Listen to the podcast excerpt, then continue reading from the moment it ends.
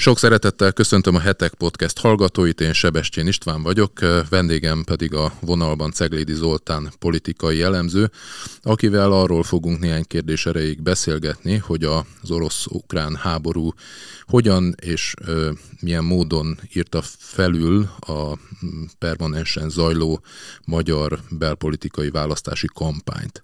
Én talán onnan ö, fordulnék rá a, a témára, hogy Ja, a háború kitörése előtt Orbán Viktor vizitált Moszkvában, nem sokkal előtte hosszú távú gázszerződést kötött Magyarország és Oroszország, zajlott a keleti nyitás, és ugye a, a háború kitörésével Orbán Viktornak innen kellett újra definiálnia nem csak Oroszországhoz, Putyinhoz, hanem bizonyos értelemben a nyugathoz való viszonyát is, hogy hogy látod, hogy ez mennyire sikerült, mennyire, mennyire tudta a, a, a kormányoldal venni ezt a háború által előidézett kanyart?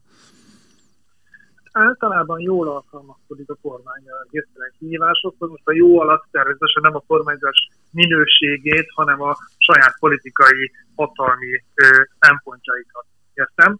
Ez azért is érdekes, mert láttuk már ezt, hogy ez történik, pontosan két évvel ezelőtt a koronavírus kapcsán. Ott Orbán Viktor ugyanez történt meg, amikor is ő ugye arra készült ezt a 2020 elejé márciusi rádióinterjúban még el is mondta, hogy igen, hát van valami kínai vírus, de alapvetően azért itt a bevándorlás és Soros probléma. Na most Soros Györgyöt az tulajdonképpen már a koronavírus levette a pályáról, és hát ugye mostanra pedig ugye a bevándorlás versus menekültek kérdés is teljesen más aspektusból értelmezhető. Most is az van, hogy ugye Orbán Viktor azt gondolt, hogy a koronavírus járványból kijöve lesz egy lesz egy kis időszak még, vagy kis idő arra, hogy kampányt, hagyományos kampányt folytasson, és, és itt is az történt, hogy nem, hogy mondjam ezt, hogy legyek bántó, szóval, hogy, hogy először nagyon csúnyán benézte azt, hogy akkor pontosan az orosz partner, mert a partnernek gondolta Putyint ebben a kérdésben, az vele mennyire őszinte, mennyire közlékeny, és mire számíthat tőle. Nagyon hirtelen kellett áthangolni a politikáját, ennek egy részét már sikerült, tehát azt látjuk, hogy pont mint a koronánál kommunikációs és infrastruktúrális változtatásokat azokat viszonylag hamar meg lehet oldani. A célcsoport, meg akár a, a kommunikátorok, beszélőfejek tekintetében azért ez lassabban működik. A Fidesz környéki nyilvánosság egy jelentős része, az még az előző fázisban maradt, és meglátjuk, hogy ez milyen, hogyan, hogyan fognak ezek a még széttartó vonalak újra egymásra találni a, a közeljövőben. Ugye a miniszterelnök kritikusai megfogalmazzák, hogy ez egyfajta ilyen számító vagy képmutató politika, hogy Putyin jó barátja most igyekszik a nyugathoz dörgölőzni és beállni, ha nem is mindenben, de azért sok mindenben a nyugati narratívába. Ez a kritika ugyanakkor szemmel láthatólag nem fog Orbánon, ennek mi lehet az oka? Az egyik azt, hogy szerintem azért az is teljesen világos volt, ezt a miniszterelnök el is mondta, hogy a, a megelőző orosz barátság, a keleti nyitás mögött is volt egy nagy adag számítás. Ezért át kellett szervezni a Fidesznek a korábban volt már az uszokó politikáját kormányon egy keleti pont Hát azért Orbán Viktor soha nem azt mondta, hogy kifejezetten az orosz módszereket szeretné nálunk más, másolni, megvalósítani, már csak azért is, mert a fideszes tábor nagyobb része is alapvetően azért a tekintetben nyugati orientáció, hogy nem úgy akar élni. Oroszországban élnek az emberek, Magyarországot nem. Oroszországhoz közelítenének, kelette vinni el, hanem továbbra is nyugati vágyképei vannak. Ezért aztán ez a váltás is egy pragmatikusnak, országvédő felhanggal megtett váltásnak van eladva, az magyarsággal szólva, és ez, ez most mint egy pozitívum jelenik meg a kommunikációban, hogy tudunk ehhez alkalmazkodni, Magyarországnak a háborúból ki kell maradni, a nyugati szankciókhoz csatlakozunk, de az ország biztonságát nem veszélyeztetjük. Tehát igazából folyamatosan, és erről szólt Márcis beszél is nagyrészt, folyamatosan egy olyan köztes álláspontot kínál fel Orbán Viktor, ahol a legfontosabb az ország érdeke, és, és csak a második egyfajta elvideológiai meggyőződés. Ennek lehet egyébként jó fogadtatás a Fidesz Ugye elsőre az tűnt valószínűnek, hogy az ellenzéknek ez egyfajta magas labda lehet, amit csak le kell csapni. Ehhez képest Márkizai Péter kénytelen magyarázkodni a, a kijelentései nyomán, hogy akkor most küldene, vagy hogyan küldene magyar katonákat a, a, a frontra. Mm, mi, mi, a, mi az oka ennek, hogy így egyszerűen kérdezem? Tehát mi, hogy, hogyan történhetett ez meg? Hát ugye az ellenzék sajátosságai az a tény, hogy hát minimum hat párt, bár szervezetében nem mindegyik létező, de üzeneteiben, beszélő fejeiben igen, minimum hat párt állt össze úgy, hogy a vezetésük, vagy inkább mondjuk azt, hogy a képviseletük, legmagasabb szintje, az egy hetedik, még nem létező párt, de mindenképpen egy hetedik gondolat mentén működő, alapvetően jobboldali politikus. Tehát Márkizai Péternek azt a feladatot kéne megoldani, hogy egyszerre tűnjön őszintének, de ne legyen őszinte azokban a kérdésekben, ahol a mögött álló pártok szavazói, vagy maguk a pártok politikusai nagyon mást gondolnak. És ez, ez ebben a helyzetben is egy ilyen probléma.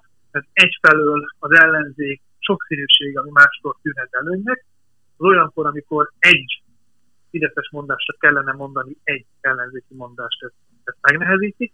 És ott a másik gond, hogy ezt a társaságot ezt úgy lehetett egybe abroncsozni, úgy lehet összetartani, hogy megpróbál, megpróbálnak minden markáns állítást, minden veszélyt éreznek, belső veszélyt akár, tehát hogy nem tartanak velük majd az ő összefogásuk valamely külső szárnyán.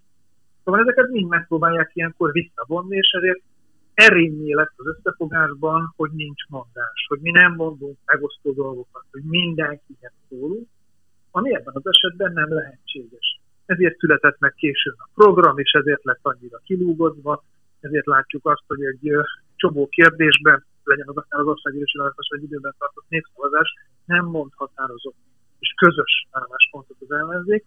Itt is ez volt a gond, hogy azért teljesen más a távolsága, a történelme túlnyomó részét deklarált orosz barátsággal töltő jobbiknak. Viszont ehhez a kérdéshez, mint mondjuk a nagyon nyugati békának, teljesen más gondol az új baloldali mozgalmakra támaszkodó, és ezért a liberalizmus ellen folytatott csatát az időről időre orosz vagy más szempontból dél-amerikai, latin-amerikai baloldalinak mondott megoldásokkal aládúcoló párbeszéd. Tehát, hogy tényleg sokan vannak, akik, akik nem feltétlenül azt az álláspontot vallják, ami egyébként evidens ellentéte nyugaton a pucsini politikának. Tehát ezért is nehéz most már meg uh-huh. egy komoly dolgot mondani. Uh-huh. Időközben ugye az is látszik, hogy Márkizai Péternek a népszerűsége, és hát, hogy így mondjam, a kormányzó képességével kapcsolatos megítélés az meredeken esik. Orbán Viktor pedig a skála ellenkező irányába tart. Ugye a napokban jött ki a századvégnek a a, a, a kutatása, ami 62%-ra teszi azoknak a számát, akik, vagy arányát, akik Orbán Viktort szívesen látnák továbbra is a miniszterelnöki pozícióban, és 30, 32 százalék mindössze azoknak az aránya, aki Márkizai Péterről gondolják azt, hogy alkalmas vezetője lenne az országnak. Mit gondolsz, hogy ez mennyiben tudható be a háborúnak, ugye az egy ilyen politikai marketing alapvetés, hogy a, a konfliktusos helyzet, és hát különösen a háború az mindig a hivatalban lévő ö, politikai erőnek kedvez, és mennyiben volt ez már a gyökereinél borítékolható, hogy, hogy, hogy népszerűbb lesz, vagy inkább úgy kérdezem, hogy népszerűtlenebb lesz Márkizai Péter, mint akár a saját listájuk? Hát őszintén szólva én mindig el szoktam mondani a kutatások kapcsán, hogy benne erős is van, hogy mennyire képesek és hajlandóak ezek a kutatások a valóságot mutatni, ezt szoktam mondani akkor is, hogyha inkább az ellenzéke, és akkor is, hogy inkább a kormánya az előzékeny, vagy ahhoz lojális intézetek méréseiről, vagy számairól van szó. Tehát jelen esetben is bennem van, az nem csak most, hanem akkor is, amikor már Péter volt a királya ezekben a számokban, tehát általában is van benne egy, egy kételj, azt illetően, hogy valóban a valóságot tudjuk-e. Egy biztos, hogy az a változás, vagy az a mozgás, az megtörtént, hogy volt egy, egy csúcsa Márkizaj Péter kampányának, paradox módon még mielőtt elkezdődött volna, az előválasztás másnapján. Összhelyes, de igaz, hogy akkor kellett valóban elkezdeni, vagy pontosabban azt a lendületet folytatni, amitől meg is rettent a, a, a Fidesz. Nem láttunk olyat az elmúlt 12 év alatt, hogy a Fidesz kezdjen el másolni, tehát ott rosszul egy ellenzéki megoldás, hogy ez volt a stop gyurcsány, stop karácsony, petíció. És, és kellett egy idő, amíg magára találta a Fideszes kampánykommunikáció. Ellenzéki oldalon sajnálatos módon Márkizaj Péter nem tudott, hogy nem akart fölülni arra a hype-ra, ami őt megemelte, pedig akkor kényszerűen vele volt a teljes ellenzék, és önkéntesen teljesen vele volt a, az ellenzék kritikus, de nem fideszes aktív szavazók jelentőség. Uh-huh. Sajnos ő szempontjukból, és itt az ellenző szempontjából is, mert az ember nem szívesen lát ilyen hibákat, szóval, hogy az történt, hogy, hogy Márkizaj Péter ebbéli tevékenysége során elkezdett részszerű, partikuláris ügyekkel foglalkozni, jelesül, hogy akkor akar egy külön frakciót, meg akkor pontosan ki legyen a listán. Ki ne legyen a listán, oda-vissza húzavona, sikerült ö, minden szükséges és, és lehetséges akciót azt elodázni, vagy kiüresíteni, és, ö, és, és valóban az, hogy nagyon nem volt, és ez a harmadik fontos összetevőjenek, hogy nagyon fegyelmezetlen volt a kommunikáció során, nagyon sokáig hitte azt, hogy ez a metódus, ami belőle egy polgármester az előválasztási győztes csinált, az adaptálható miniszterelnök kampányra is. Nagyon sokáig hitte azt, hogy ez működőképes lehet, és azt, azt állítom, hogy ha romlottak a számai, az jelentős mértékben annak tudható be, hogy nem volt hajlandó felolvasni a szöveget, hanem azt gondolta, hogy ott akkor helyben jobban, jobban talál ki, mint a szakemberek. Hát nem. Teljesen értem, amit a kutatásokról mondasz, de ugye a, korábban az Ávecnek a kutatása is hasonló irányba mutatott, sőt, abból az jött ki, hogy, hogy Márkizai még a saját oldali konkurenseinél is népszerűtlenebb, tehát Jakabnál, Dobrevnél, stb. Na, tehát... na igen, csak csak bocsánat, de a Závesz kutatásnál meg az van, csak tényleg nem szeretem egyenként végig szállazni ezeket. A Závesz kutatásnál meg az történt, hogy mindenki megírta a népszerűségi számokat, és senki kezdve Závesztel nem közölte az ismertség. Tehát uh-huh. az van, hogy igen, Fekete Győr András a, a kis településeken népszerűbb arányaiban Márkizaj Péter. Csak nem tesz hozzá, hogy hány ember ismeri falu Márkizaj Péter, az itt a teljes Fidesz reklámot, és hány ember ismeri Fekete Győr András. Az a néhány fiatal srác faluban, hogy tudja, hogy kicsoda mert Fekete Győr András, az valószínűleg jobban kedve. Az a sok ember, aki ismeri a faluban Márkizaj Pétert, az meg azt hallotta a videós propagandában, uh-huh. hogy, hogy akkor a Márkizaj Péter az minden, rossz, minden rosszat el akar követni ellen. Ez, és végig lehet menni egyenként a kutatásokon, azt sem tudtuk tudni, hogy pontosan kivégzi ezeket a kutatásokat, azt sem tudtuk tudni, hogy a nyers adatokból aztán hogyan a megállapítások. Mondom, az ARS kutatás esetében nem ismerhetjük az ismertségi adatokat, és azért be könnyen belátható, hogy nem mindegy, hogy valakit mondjuk ismernek század, és mondjuk a fele utálja, vagy ismernek tizen, és annak a 80 a kedveli. Uh-huh. akkor a végeredményünk mégiscsak az, hogy a, az, e- a, a, az első emberünket azt sokszor, sokkal többen szeretik a darabra nézzük, mint a másodikat. Ettől még azt, azt, azt a trendet, azt én valószínűsítem, hogy jobb helyzetben volt Márkizaj Péter az előválasztás után, mint mondjuk pár nappal vagy héttel ezelőtt. Uh-huh, uh-huh. És mit gondolsz, hogy ez a ez a trend, ez meglátszik majd akár a csatatér körzetekben is? Tehát létezhet az, hogy ez inkább a Fidesznek kedvez olyan szoros eredmények esetén, amire ugye azt mondták, hogy ezek majd eldönthetik a választás kimenetelét is akár.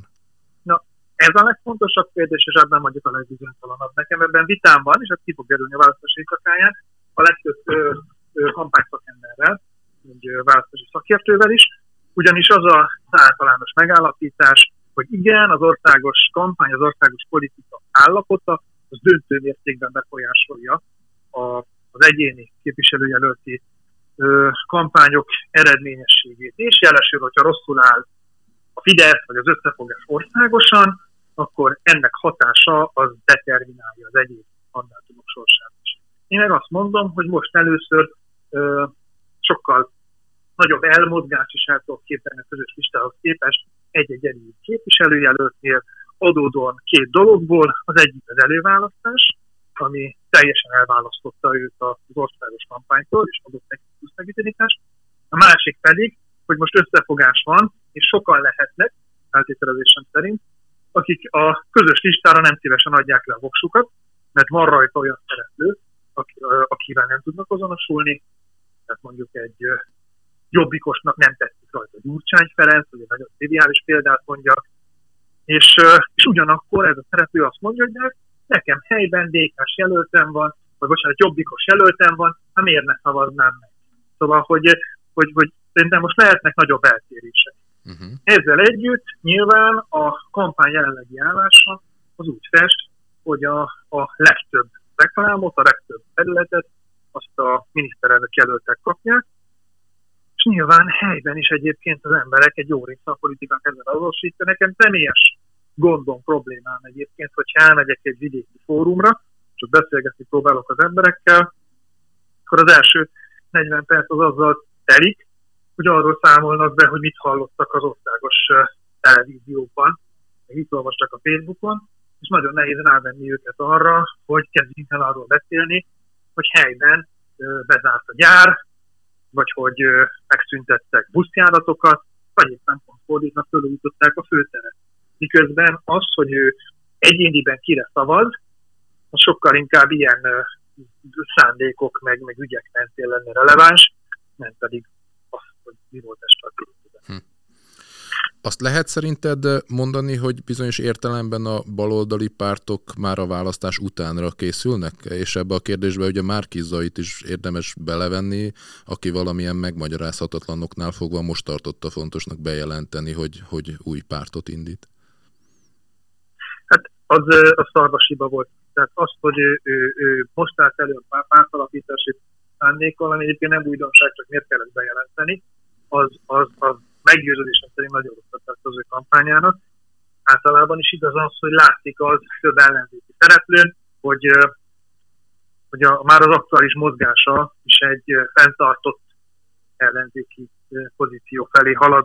Tehát azért a, aki kormányzásra készül, az ideális esetben fölkészültebb, közdékenyebb, aktívabb az átveendő minisztériumok, a, a megvalósítandó kormányzati programok kapcsán. Ehhez képest én sokkal inkább frakciókról zajló tárgyalásokat látok, ami hát kevésbé fontos a kezeltek uh-huh, uh-huh. Mit gondolsz, hogy a hátralevő már nem annyira sok időben lehet-e még olyan körülmény, ami jelentősen befolyásolja a kampánynak a menetét? Gondolok itt arra, hogy mondjuk egy gazdasági helyzet, mondjuk újra bezuhan a forint, vagy, vagy, vagy valami olyan esemény történik, ami, ami, ami az embereket közvetlenül érinti, mondjuk újra nem lehet majd tankolni a kutakon. Szóval valami hasonló, ha történik, vagy újra ezek, akkor ezek befolyásolhatják-e érdemben a választás kimenetelét? Igen, Orbán Viktor alapvetően arra építi a, a kampányát, hogy ő az, aki Magyarországot kívül belül megvédi a gonosztól. Tehát, hogyha ha, ha az történik, hogy akár az orosz front mozdul úgy, amit kevésbé tartunk valószínűleg, hogy a, a, a, a Magyarország is érintett, érintett legyen, annak viszont egy nagyságrendel nagyobb a valószínűsége, hogy olyan gazdasági probléma lép fel, tehát például a, a, a tankolással kapcsolatos gondok, vagy más ilyesmi, ami, ami az emberek életét döntően befolyásolja, az le tud harapni a Fidesz szavazótáborából. Ugyanakkor ugye, amiket itt belebegtettek korábban, hogy mindenféle ilyen pornó videókkal állnának elő, én azt bárki ilyesmit kérdezne tőlem, hogy megtegye-e, bármelyik oldalon azt mondanám, hogy ne, mert visszaüt. Miért? Ez nem az a helyzet.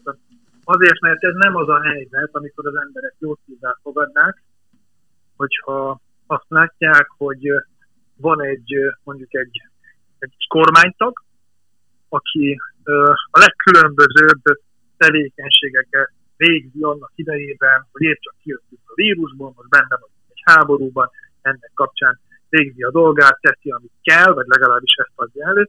Az emberek ilyenkor nem szívesen veszik azt, hogyha megpróbálják ezeknek az embereknek kirúgni a lábát. Nem igazán hiteles egy olyan ellenzéki erő, amelyik ilyen hálószobatitkokkal foglalkozik akkor, amikor a nemzetnek kellene egy mozdulni, menekültet segíteni, nemzetközi tragédiákat elhárítani. Tehát én, én azt mondanám, hogy azt még elképzelhetőnek tartom, hogy egy korrupciós ügy egyik vagy másik oldalon átjöjjön, mert mint mondtam, a gazdasági meghatározottság az minden időben számít, de, de ezek az életmód kérdések azzal, hogy akkor kiről milyen videó van, és ott mit csinál a hálószobájában, egészen kizártnak tartom, hogy ez most, ez most hozna, és szerintem a, a, a, attól, aki ezt kiadja, szerintem ez sokkal inkább vitte. Uh-huh. Egészen most az emberek nem ezt várják el a felelős politikustól. Uh-huh. Borkai idején ez még teljesen érthető volt. Most nem, nem gondolom, hogy segítenek. A gyermekvédelmi népszavazással mi a helyzet ilyen szempontból? Ugye az, az is bizonyos értelemben lekerült a térképről. Hát ugye az ellenzék térképén nem is volt ott. Igen. Azért a, a, a dolog úgy áll, hogy a mai napig nincs egy deklarált és reklámozott egységes álláspont erről. Mm, valószínűleg a jobbik miatt nem merítettek. Uh-huh. Ami uh-huh. beszélgetés elején már említett módon ugye a sokszínűségnek a, a hátulütője. És, és ezért aztán ők nyilván abban bíznak, nem alap nélkül, hogy nem sikerül majd egy érvényes és eredményes népszavazást létrehozni, mert ugye az, hogy a, a megjelentek fele az, az egy irányba szavazzon, az, az bocsánat, az összes választó fele egy Igen. irányba szavazzon, hát az, az, az, az elég nehezen, nehezen elképzelhető. De ennek megvan a rizikója, ezért nem mernek jobban beleállni. Uh-huh. Másfelől meg ugye a, a, az ellenzéknek arról kéne valamit mondania, hogy ő mit kezd ezzel a kérdéssel kormányon. Erről sem sokat tudni, mert megint csak beleütközünk abba, hogy Jakab Péter elmagyarázza, hogy megszavaztak egy törvény, aminek egy megrendelezett részét akarják majd visszavonni.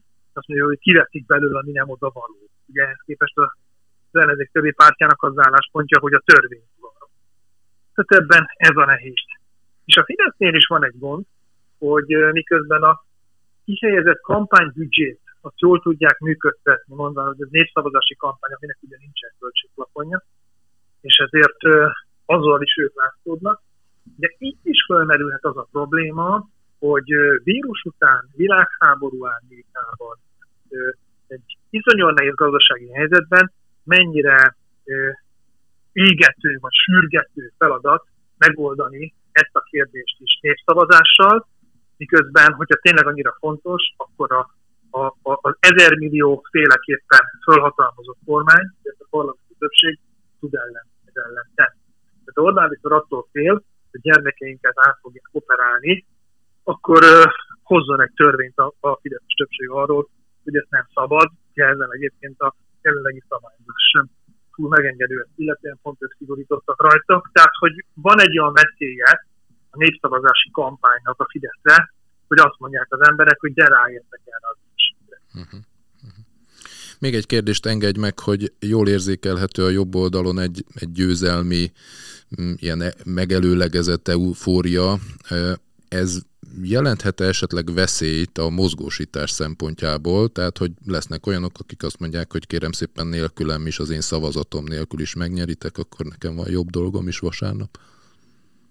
Nagyon nagy dilemma, ugyanis a, a szerintem a Fidesz meg, ezt megelőzően kicsit túltolta, a bármi lehet, nem tudjuk, hogy mi lesz a választáson kommunikációt.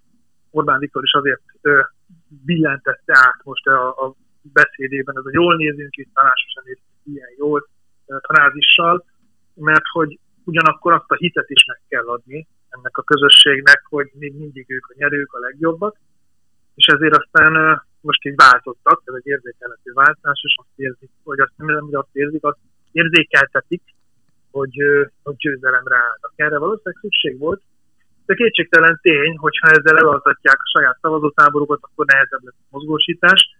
Egyébként ez a másik, amire egyáltalán nem látunk rá, és ez 2018 óta tudjuk igazán, ahol félmilliónyi aktív vagy aktivált Fidesz szavazóra nem látunk rá, nem tudjuk, hogy aznap pontosan milyen logisztikával, milyen eszközökkel, és, és talán, hogy hány szavazót tudnak a, a Fidesz rendszerével elvinni szavazni. Ez nagyon, nagyon érdekes, és nem, nem tudnak semmilyen módon.